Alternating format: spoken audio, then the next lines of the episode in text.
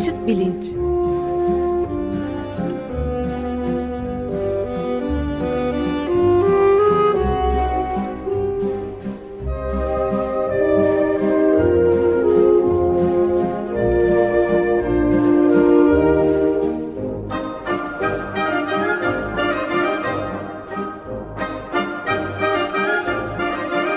Güven Güzeldere ile bilim ve felsefe sohbetleri.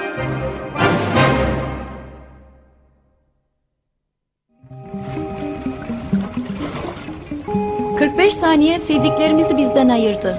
Evlerimizi, ocaklarımızı yerle bir etti. Çaresizliğimizle, acılarımızla baş başa kaldık. Ancak bütün bu yaşadıklarımızı unutmazsak, ancak çıkardığımız dersleri uygularsak, ancak birbirimize ve geleceğimize sahip çıkarsak ayakta kalabiliriz. Hayatta kalabiliriz.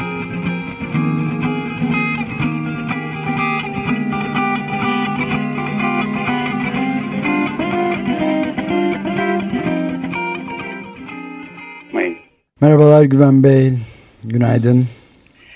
E, günaydın Ömer Bey. Bu dinlediğimiz e, ses parçası neydi onu söyleyerek başlayalım isterseniz. Ondan sonra da konuklarımızı tanıtmayı size bırakıyorum her zaman olduğu gibi. Tabii bugün deprem serisinin ikinci programını yapıyoruz. Bu dinlediğimiz ses kaydı da e, Ümit Kıvanç'ın e, depremden iki sene sonra 2001 senesinde hazırladığı Bitti Derken Başladı isimli bir belgeselin bitiş e, bölümüydü. E, ümitli bir şekilde bitiyor bu belgesel. E, yapacağımız çok iş var ama birlikte e, davranırsak, e, yapmamız gerekenleri yaparsak e, hayatta kalabiliriz diyor. E, bu belgeselin yapımının üstünden 18 sene geçmiş durumda, depremin üstünden 20 sene geçmiş durumda.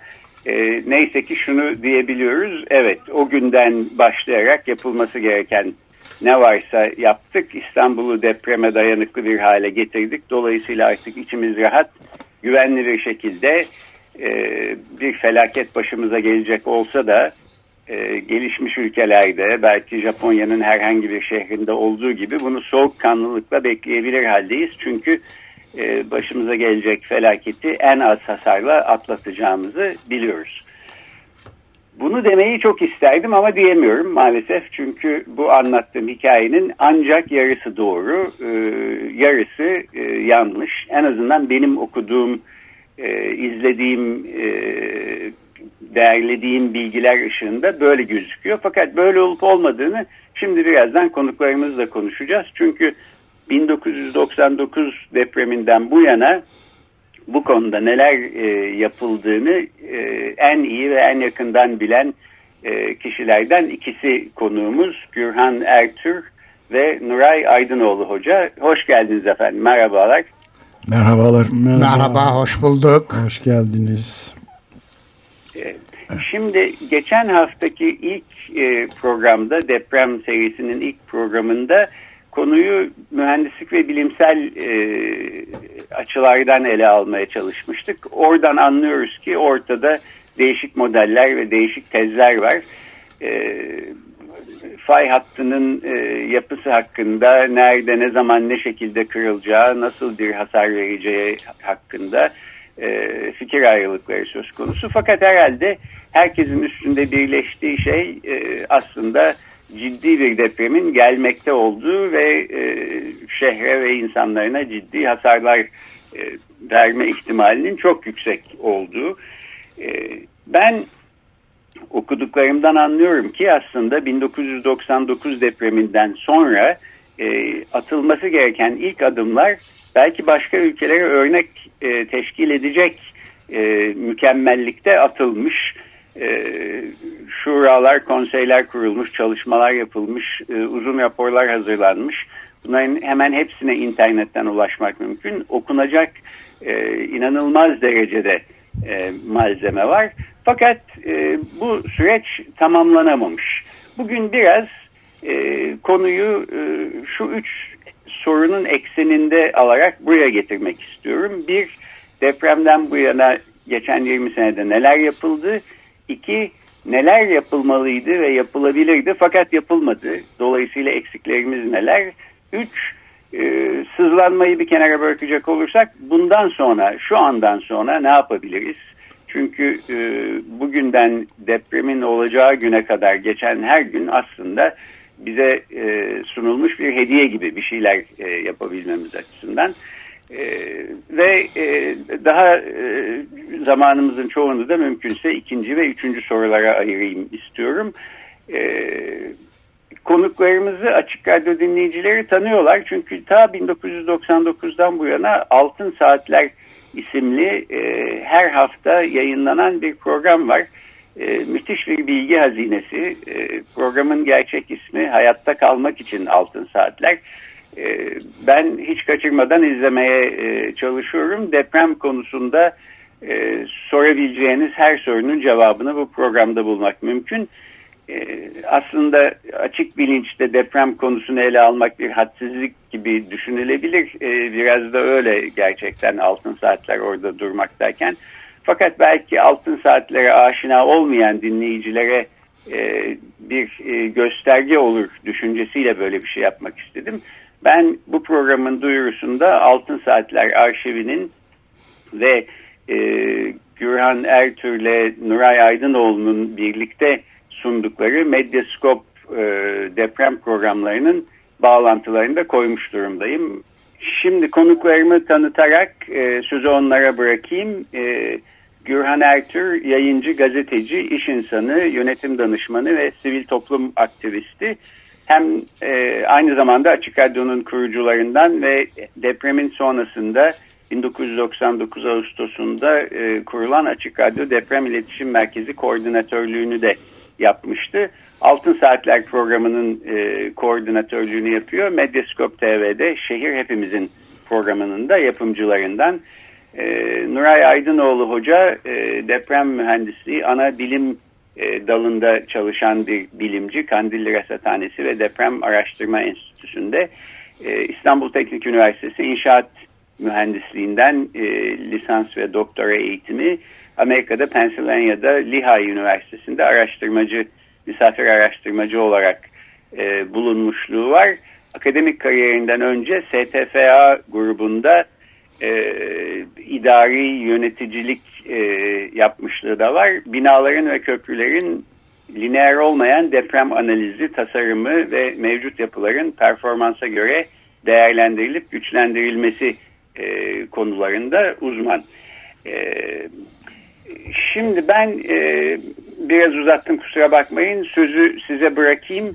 E, neler yapıldı sorusuna dair e, çok e, detaylı cevaplarınız Medyaskop'taki programda ve Altın Saatler programlarında var. Ama oraya eklemek istediğiniz bir şey varsa kısaca oradan başlayabiliriz.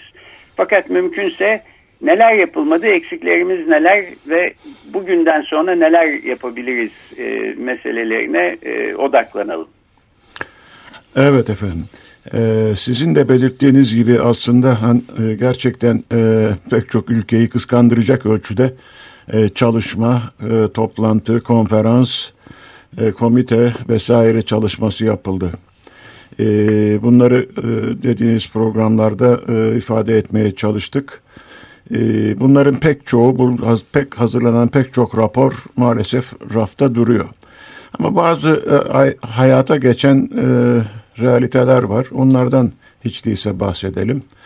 E, tartışılabilir bir takım eksiklikleri olmasına karşın önemli bir aşama tabii AFAD'ın kuruluşudur. 2009 tarihli. Ama e, zamanımız olmadığı için peki tartışamayacağız. Tam amacına ulaştı mı ulaşmadı mı e, veya amacı dışında bazı alanlara da e, kaydı mı kaymadı mı gibi sorunlar var. E, ama yine de önemli bir adım olduğunu düşün, düşünüyoruz. Çok önemli bir gelişme Türkiye için bence bir başarı hikayesidir. DASK'ın kuruluşu yani afet sigortaları sistemi çünkü bu bütün dünyada aslında çok her zaman gündemde olan ama her zaman da başarılı uygulamaları olmayan bir konudur. Türkiye bunu hani Türkiye'den beklenmeyecek ölçüde bir e, başarıyla gerçekleştirdi. Bugün itibariyle e, oldukça e, iyi durumda bir kurum. Yani e, mesela son aldığımız bilgilere göre İstanbul ölçeğinde bakarsak ki e, en büyük riske maruz kentimiz. Ee, yüzde 50 civarında bir kapsama var. Bu çok e, çok e, tatminkar bir şey. Örnek olarak yüzde 30 seviyesinde San Francisco ve Tokyo gösteriliyor. Yani onlardan daha iyi durumda. Dolayısıyla bu elle tutulur çok önemli bir başarıdır. Afet sigorta sisteminin kuruluşu. Ee, yine müspet e, gelişmelerden birkaç tanesinden bahsetmek isterim. Deprem yönetmelikleri e, esasen 1998'de yürürlüğe giren bir yönetmeliğimiz vardı. Fakat depreme kadar olan sürede aynen bugün olduğu gibi bir e, kriz yaşadığımızdan o dönemde pek uygulama olanağı bulmamıştı. 2000'den sonra o yönetmelik uygulandı. Ama 2007'de o yönetmelik e, revize edildi ve mevcut binaların değerlendirilmesi ve güçlenmesi, güçlendirilmesiyle ilgili yeni bir bölüm eklendi. Ve nihayet ondan 11 sene sonra 2018'de geçen yıl yeni deprem yönetmeliğimiz oldukça geniş kapsamlı olarak eskisinin hemen hemen iki katı e, sayfa adetinde yayınlandı ve bu yılın 2019'un e, başında yürürlüğe girdi. Yine çok önemli bir e, gelişme deprem tehlike haritaları ki en eski daha önce 1996 tarihli haritayı kullanıyorduk. O, o haritadan e, çok daha ileri düzeyde ve çok geniş kapsamlı bir çalışmanın sonucu olarak 2018'de yönetmelikle birlikte deprem tehlike haritaları da yayınlandı ve 2019'un başından itibaren e, kullanılıyor. Bu da bu, bu ikisi de tabii e, depreme dayanıklı yapı tasarımı açısından çok önemli gelişmelerdir. E, en önemli uygulama projelerinden biri e, mevcut e, sistemi iyileştirme ve riski azaltma bağlamında İstanbul Proje Koordinasyon Birimi ve İstanbul Sismik Riskin Azaltılması ve Acil Durum Hazırlık Projesi İSMEP diye adlandırıyoruz. Bu bir Dünya, Dünya Bankası projesi olarak 2006 yılında başlatıldı e, ve e, bugün e, halen devam ediyor. E, oldukça e, başarılı bir proje. E, yüzlerce e, okul e, ve sağlık tesisi özellikle özellikle ama okullar e, güçlendirildi ve e, sağlık tesislerinin güçlendirilmesinden ziyade ki çok zor bir şey sağlık, sağlık tesislerini operasyon sırasında güçlendirmek onlar genellikle yeni sağlık tesisleri yapıldı ve hatta hala devam ediyor. Önemli yine müspet sayabileceğimiz bir e, uygulama ise İstanbul ve çevresinde büyük deprem riski altında bulunan köprü ve viyadüklerin 2005'ten itibaren e, yaygın geniş bir program çerçevesinde güçlendirilmesi. Bu da çok müspet e, sonuçlar veren e, başarılı projelerden biri. Bu bağlamda özellikle birinci çevre yolu üzerinde ki önemli viyadüklerin, Ortaköy Vadisi viyadükleri, Mecidiyeköy viyadüğü, Haliç Köprüsü vesaire gibi bunların hepsi önemli derecede deprem riskine maruz yapılardı. Bunlar başarıyla güçlendirildi ve böylece birinci Boğaz Köprüsü'nün de bulunduğu ana şehir arteri e, güvenli hale getirildi ki bu e, bir deprem sonrası e, afet e, e, e, afet acil müdahale bakımından çok çok önemli bir sorundur. Bu bakımdan çok müspet bir gelişme olduğunu ifade etmek isterim. Bunun gibi belki aklımıza gelmeyen birkaç tane daha basit, e, birkaç tane daha ilave e, iyileştirme projesi e, oldu. Biz Gürhan Bey ile yaptığımız muhasebede bu, bu konuları öne çıkardık. Ee, ama tabii işte başta da raf, rafta kaldığını söylediğim çok sayıda rapor var. Bunlar bugün bile bir kısmı tekrar ele alınıp e, implemente edilebilir. İstanbul Deprem Master Planı 2003 yılında e, İstanbul gibi bir kent için dünyada çok az örneği olan ve e, dört üniversitemizin gerçekten çok başarılı bir çalışmasıyla hazırlanmış bir plandır. Ulusal Deprem Konseyi kurulmuştu 2000 yılında. Ulusal Deprem Konseyi bir strateji raporu ve daha sonra da bir araştırma konuları raporu hazırladı. Fakat maalesef deprem konseyi 2007 yılında lağvedildi. E, deprem şurası... Peki ben burada evet. affedersiniz Buyurun. araya girip sorabilir miyim? Benim Tabii. hep merak ettiğim şeylerden bir tanesi. Bu deprem konseyi belli ki çok kapsamlı araştırmalar e, yapmış, raporlar hazırlamış. E, bu tür e, raporlar hazırlamak aslında kolay iş değil çünkü birbiriyle belki anlaşamayan bilim insanlarını bir masa etrafında topluyorsunuz, birlikte çalışılıyor. Çok emek ve zaman harcanmış olduğu belli. Bu raporlar da e, ortada duruyor. Fakat böyle güzel bir çalışma yapılırken e, konseyin lağvedilmesinin sebebi ne ola ki? E, üstüne titrenmesi ve ne söylüyorlarsa e, yapılması gereken bir e, önderlik vasfına sahip bir e, konsey e, 12 senedir yok. E, niye yok? Evet, e, haklı bir soru. e, efendim bu e, kadar ben de bu Ulusal Deprem Konseyi'nin üyelerinden biriydim. 20 kişiden oluşan oldukça ahenkli bir e, gruptu ve e, çok yoğun çalışmalar yaptı özellikle ilk 3-4 yıl içinde.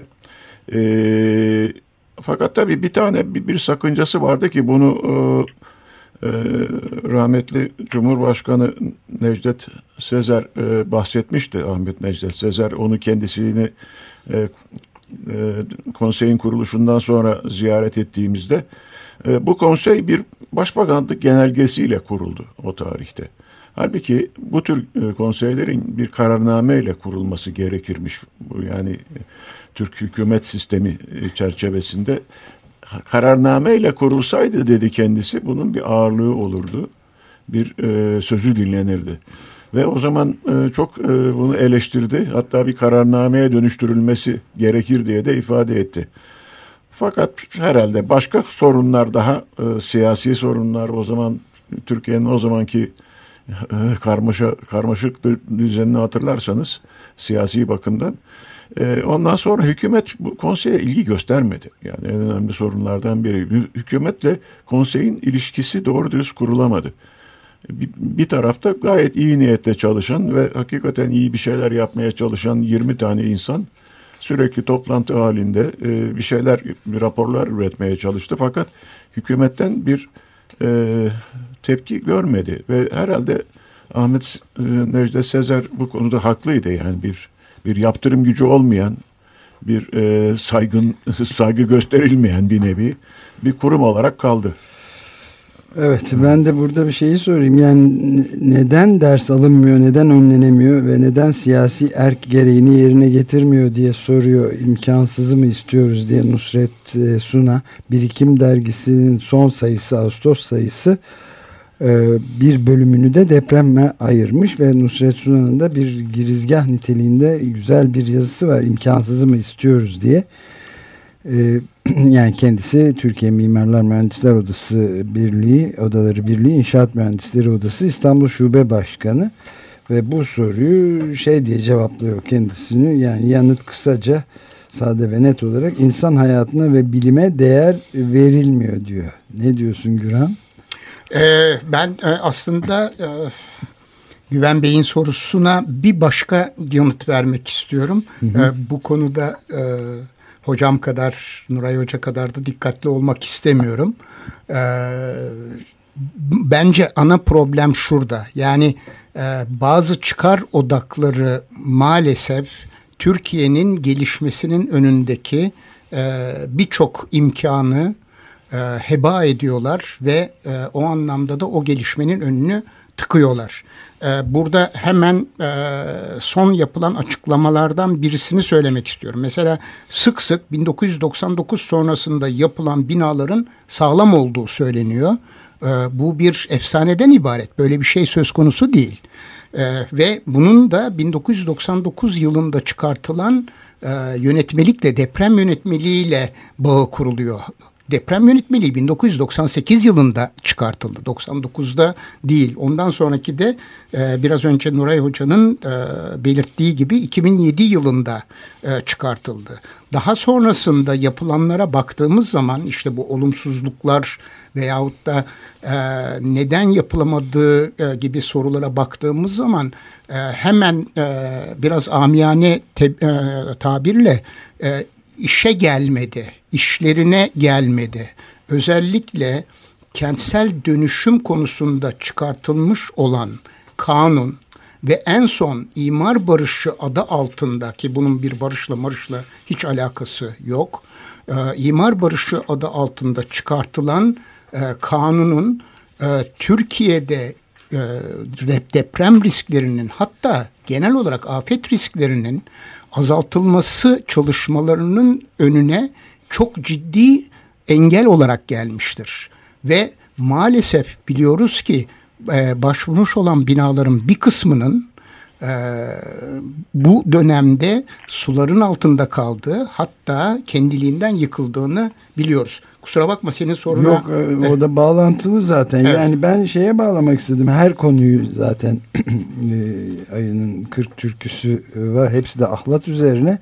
Ben de e, iklim yıkımı üzerine bağlıyorum.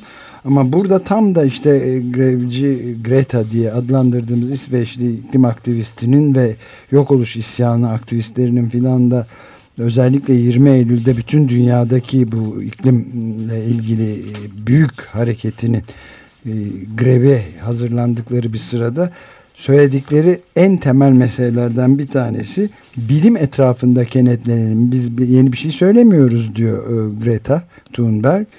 Yani bilimcilerin, bilim insanlarının söylediğini sadece tekrarlıyoruz diyor. Yani şeyde e, e, zaten bu biraz önce sözünü ettiğim yazıda Nusret Suna da aynı şeyi söylüyor. Deprem bilindiği gibi bir doğa hareketidir. Doğa hareketinin doğal afet olarak yaşanmasının nedeni en yalın ifadeyle mühendislik biliminin yani hendesenin e, temel kabullerine riayet edilmemesidir diyor ve kaçak, sağlıksız yapılar ve bunun arkasında da rant e, biraz önce de Güran senin söylediğin rant gibi kaygıların ağır basması olduğunu söylüyor. İm, özellikle de imar barışı adı altında imar affı getirilerek çok ciddi bir e, krize yol açtığı söyleniyor. Ben de şöyle bir şey ekleyebilir miyim e, izninizle? E, bana acı gelen şey şu. Biz Türkiye'de ülke olarak deprem e, bilimi, yer bilimi ve mühendisliği konusunda e, yeterli bilgiye ve uzmanlığa sahip olmayan, e, olamamış bir ülke olsak, e, depremi çaresizce bekliyor olsak dolayısıyla belki e, bu kadar acı gelmeyecek. Fakat e, durum öyle değil. E, kurulan e, Ulusal Deprem Konseyi'nin, Deprem Şurası'nın yaptığı çalışmalara e, kapsamlı e, derlenmiş bilgilere baktığımız zaman aslında ne yapılması gerektiğini çok iyi anlayabilmiş ve belgeleyebilmiş bir e, ülke olduğumuz gözüküyor. Hatta dediğim gibi başka ülkelere örnek olacak bir e, ön çalışma yapılmış durumda. E, fakat e, buna rağmen bir şey yapılmamış ya da yapılmıyor olması ya da yeterince şeyin yapılmıyor olması bana çok acı geliyor. Ve nasıl bugün deprem tarihçileri 500 sene önce olmuş depremleri çalışıyorlarsa 500 sene sonra belki bugünlere bakıp e, bir deprem olur da e, İstanbul yakılıp yıkılırsa, e, yanıp yıkılırsa, on binlerce insan ölürse diyecekler ki ya bu ülkede yaşayan insanlar aslında ne yapılması gerektiğini biliyorlarmış. Bak raporları hala duruyor ama bir şekilde bunu yapmamışlar. E, niye yapmamışlar? E, belki soru bu. Fakat yani benim mesela merak ettiğim sorular e, deprem toplanma alanlarının büyümesi gerekirken 1999'dan bu yana küçülmüş gibi gözüküyor. E, gerek yurt içinden gerek yurt dışından e, ayrılan fonlar, yapılan bağışlar var. Bunların bir hesabını bir türlü göremedik. Ne oldu bu paralar diye haliyle merak ediyoruz. E, 1999 depreminde adı çok geçen Veli Göçer diye bir e, müteahhit vardı biliyorsunuz bir sürü hapiste kaldı falan. Şimdi yeniden bir inşaat bürosu açmış ve çalışıyor e, diye yazıyor gazeteler. Bunlar nasıl olabilir? Yani insanı isyan ettiren e, sorular gerçekten. E, fakat belki e, bu isyan ve sızlanmayı, yakınmayı bir kenara bırakıp e, şunu biraz tartışsak programın son kısmında. Şimdiden itibaren ne yapabiliriz? Çünkü bugünden sonra elimizde kaç gün, kaç saat varsa bunlar hepsi altın saatlere giriyor gerçekten. Evet. Hayatta kalmak ve şehri kurtarmak için altın saatler. Bu andan sonra ne yapılabilir? Kurumsal olarak, siyasi olarak, bireysel olarak e, yapabileceğimiz ne var? Evet. Efendim tabii e, depremin ne zaman olacağını bilmiyoruz. Aslında hemen yarın olacak diye de bir şey yok. Dolayısıyla hani çok kısa vadeli tedbirler e, düşünmemize de gerek yok. E, e, ama çok e, olayı da ihmal edip arkaya da bırak bırak bırak bırak bırakılmayacak kadar da olay ciddi. Şimdi bizim en önemli sorunlarımız, halledemediğimiz sorunların biraz önce siz sordunuz bunlar niye olmuyor? Bunun bence iki tane temel nedeni var. Bir tanesi siyasi irade eksikliği. Ama bu siyasi irade eksikliği büyük ölçüde ekonomik yapıya, ekonomik altyapıya ve Türkiye'de Türkiye'deki çarpık inşaat e, sektörüne e, dayalı. Bunun e, temelini bu şekilde tespit etmek zorundayız. İkinci temel neden ise halktaki, halktaki talep eksikliği. Kaliteye yani kaliteli konuta depreme dayanıklılık demektir. E, depreme dayanıklı konut demek kaliteli konut demek. Teknik bakımdan tek kaliteli olarak yapılan konut demektir. Halkımızda maalesef bir kalite talebi yok. Yeteri kadar kalite talebi yok ve e, bu talep e, bir türlü oluşturulamadı. E, maalesef 2000'den bu yıla e, vaktimiz olmadığı için e, şey yapamıyorum. Bazı başka farklı yön e, taraflara mesela zemin zemin durumunun önemi öne çıkarıldı vesaire. Gerçekten e, kaliteyi e, bir araya getirecek, kaliteyi sağlayacak unsurlar e, ön plana çıkarılamadı. Son bir söz olarak şunu söylemek. Kaliteyi, kaliteyi ortaya koyabilecek depreme dayanıklı kaliteli konutların, iş yerlerinin, endüstri tesislerinin yapılması için en önemli birincil faktör etkin bir yapı denetim sisteminin oluşturulmasıdır. Biz bunu halen bugün oluşturamamış durumdayız. En büyük eksiğimiz budur. En büyük eksiğimiz budur. 1999 depreminden sonra 2000 yılında iki tane önemli kanun hükmünde kararname çıkartıldı. Detayına giremiyoruz. Şimdi şu anda vaktimiz yok. Bunlar çok ilerici adımlardı fakat realize edilemedi. Sabote edildi resmen. Ve ondan sonra bir gece içinde ani e, bir alelacele yapı denetim kanunu çıkartıldı. 4308 sayılı kanun halen yürürlükte ama o günden bugüne defaatle değiştirildi. Bir türlü oturtulamadı. Kaliteli kaliteli yapı yapamıyoruz. Bu problemimizin bu problemimizi çözmeden de hiçbir yere gidemeyiz. Ve bunun için tabii e, bunun gerektirdiği bir takım insan altyapısı sorunu var. O da yetkin mühendislik yani kalifiye mühendislerin bu e, faaliyette görev alması ki 595 ve 601 sayılı bu sözünü ettiğim iki kararname 2000 yılında bunu getirmeye çalışıyordu. Onlar iptal edildi Anayasa Mahkemesi kararıyla ama 20 yıldır bir şey yapılamadı. Bu evet. konu benim kişisel kanıma göre e, halen en önemli, en canlı konumuzdur ve mutlaka bunu çözmemiz lazım. Güran e, birkaç dakikamız kaldı son. Evet ben de hemen hızla bir iki ilavede bulunmak istiyorum. Belki dinleyicilerimiz merak edeceklerdir. Bu 595 e, numaralı e, sayılı e, kanun hükmündeki kararname ve 601 e, Fazilet Partisi ve TUMOP e, tarafından Danıştay'a götürüldü iptali için. Danıştay e, bunların kararname olduğu gerekçesiyle, kanun hükmünde kararname olduğu gerekçesiyle e, Anayasa Mahkemesi'ne gönderdi ve Anayasa Mahkemesi de e, esas itibariyle usulden bozdu.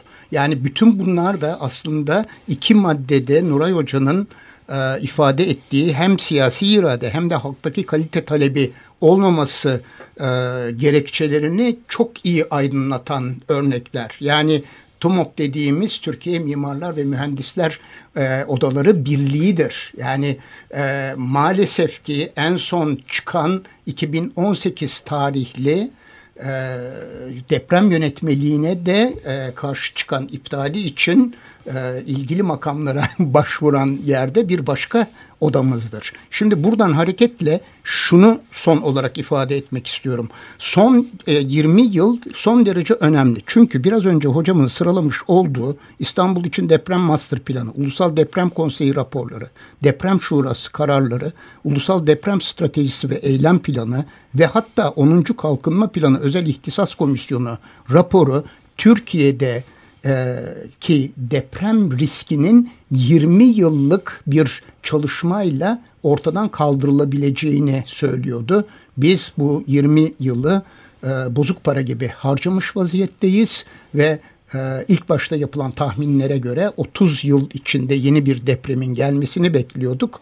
E, ama e, son bilgiler bunun çok daha yakın, yakın olduğunu gösteriyor. Belki Nuray Aydınoğlu'nun söylediğini bir kez daha tekrarlamakta e, fayda olabilir. Yani talep e, gelmesi çok önemli. Yani bundan kastedilen şeyi ben bir mücadele olarak tabandan yükselen bir talep ve mücadele olarak anlıyorum. Son derece yani, önemli. Bunu yapmazsak e, iktidarlar yapmıyorlar. Yani bu bu talebi dile getirmezsek kuvvetle hem sağlam yapı hem de kendi hayatımızı ve haysiyetli bir yaşam sürdürmemizi imkan e, imkan bulacağımız yani deprem toplanma alanları başta olmak üzere yaşadığımız alanları bunun için de her türlü rant kaygısının üstüne çıkıp bunun talep edilmesi gerekiyor diye düşünüyorum naçizane. Son bir şey eklemek istiyorum. Ben de o zaman programı evet. e, izninizle şöyle bitireyim. E, bu seri içinde yapmayı düşündüğüm programlarda iki konuyu daha ele almak istiyorum. Bir tanesi tam bu söylediğiniz mesele. Yani halk nezdinde niye depreme ilişkin daha büyük bir kaygı ve bir şeyler yapılması e, açısından e, siyasete baskı uygulayacak daha yüksek bir motivasyon yok. Bunun nedenleri ne olabilir? Burada bir ilginç bir belki psikolojik e, bilmece söz konusu. Bir diğeri de e, çeşitli sivil toplum kuruluşları var. Arama kurtarma çalışmaları yapıyorlar. Depremle ilgili eğitimler, bilgiler veriyorlar. Belki bugünden itibaren yapılacak şeyler arasında bir takım pratik öneriler olabilir. Yani evimizde, e, işte salonumuzda, yatak odamızda nasıl değişiklikler yapabiliriz? Deprem hakkında nasıl bir parça eğitim alırsak e, deprem sırasında ya da sonrasında hayatta kalmak için şansımızı arttırabiliriz. Önümüzdeki iki programda bu konuları ele alacağız. E, şunu söyleyerek bitirmek istiyorum. O günleri hatırlamayanlar olabilir. 1999 depreminden hemen sonra e, Açık Radyo çok önemli bir e, komünite radyosu ve bir bilgi, iletişim e, ve paylaşım merkezi haline gelmişti. E, bunu unutmamak e, lazım. Bu tür kurumlar da çok yok. Yani yarın deprem olsa benim yine ilk açacağım, ulaşmaya çalışacağım yer herhalde e, Açık Radyo olacaktır.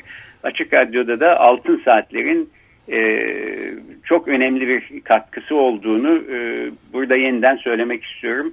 E, merak edenler çarşamba günleri öğleden sonra e, radyolarını açıp dinleyebilirler. E, arşivlerinin bağlantısını da ben vermiş durumdayım.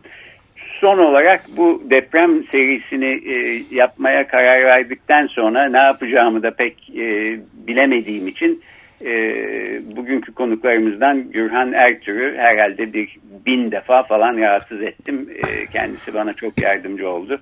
Ee, burada şahsen bir kez daha teşekkür evet, e, Nuray Bey çok bitti e, program ama e, son bir söz olarak e, Nuray Bey sağ olun. E, e, e, Güven Bey son bir e, soru sormuştunuz. Bundan sonra ne yapmamız lazım? Şimdi aslında evet. e, e, psikolojik olarak da e, iyi bir havamız var. Yeni bir belediye başkanı seçtik ve İstanbul büyük deprem riski altında.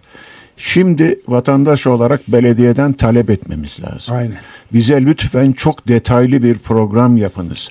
Eskileri bir tarafa bırakın. Es, tamam eskiler eski bir şeyler yapıldı. Bunları tekrar derleyip toplayıp önümüze tekrar getirin ve bu konuyu mutlaka gündemde tutacak bütün tedbirleri alın. Ve her gün. Lütfen her gün, her dakika bu konuyu gündeminizde tutacak şekilde çaba gösterin. Bu imkan belediyede var ve e, seçim e, propagandalarında bu da bunun da sözü verildi aslında. Ben şimdi bir vatandaş olarak bunu bekliyorum. Çok teşekkürler. Evet, e, biz de Altın Evet, Saatler programı Nokta, bunun peşini bırakmayalım. Evet, Altın Saatler programı olarak size müteşekkiriz e, Güven Bey. E, gerçekten keşke programların sayısını, depremle ilgili programların sayısını arttırabilseniz. Sağ olun. Çok teşekkürler. Ee, Ben teşekkür ediyorum. Bugün konuklarımız Gürhan Ertür ve Profesör Nuray Aydınoğlu'ydu. Deprem e, konusunun toplumsal, sosyal, idari yönlerini konuştuk. Deprem e, serimiz birkaç hafta daha devam edecek. Haftaya görüşmek üzere. Hoşçakalın. Hoşçakalın. Hoşçakalın.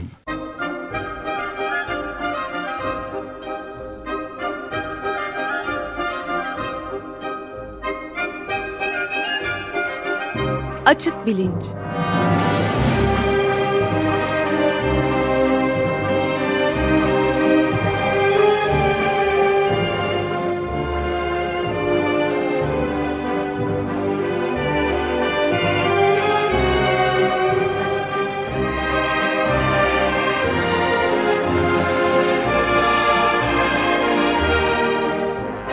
Güven Güzeldere ile bilim ve felsefe sohbetleri.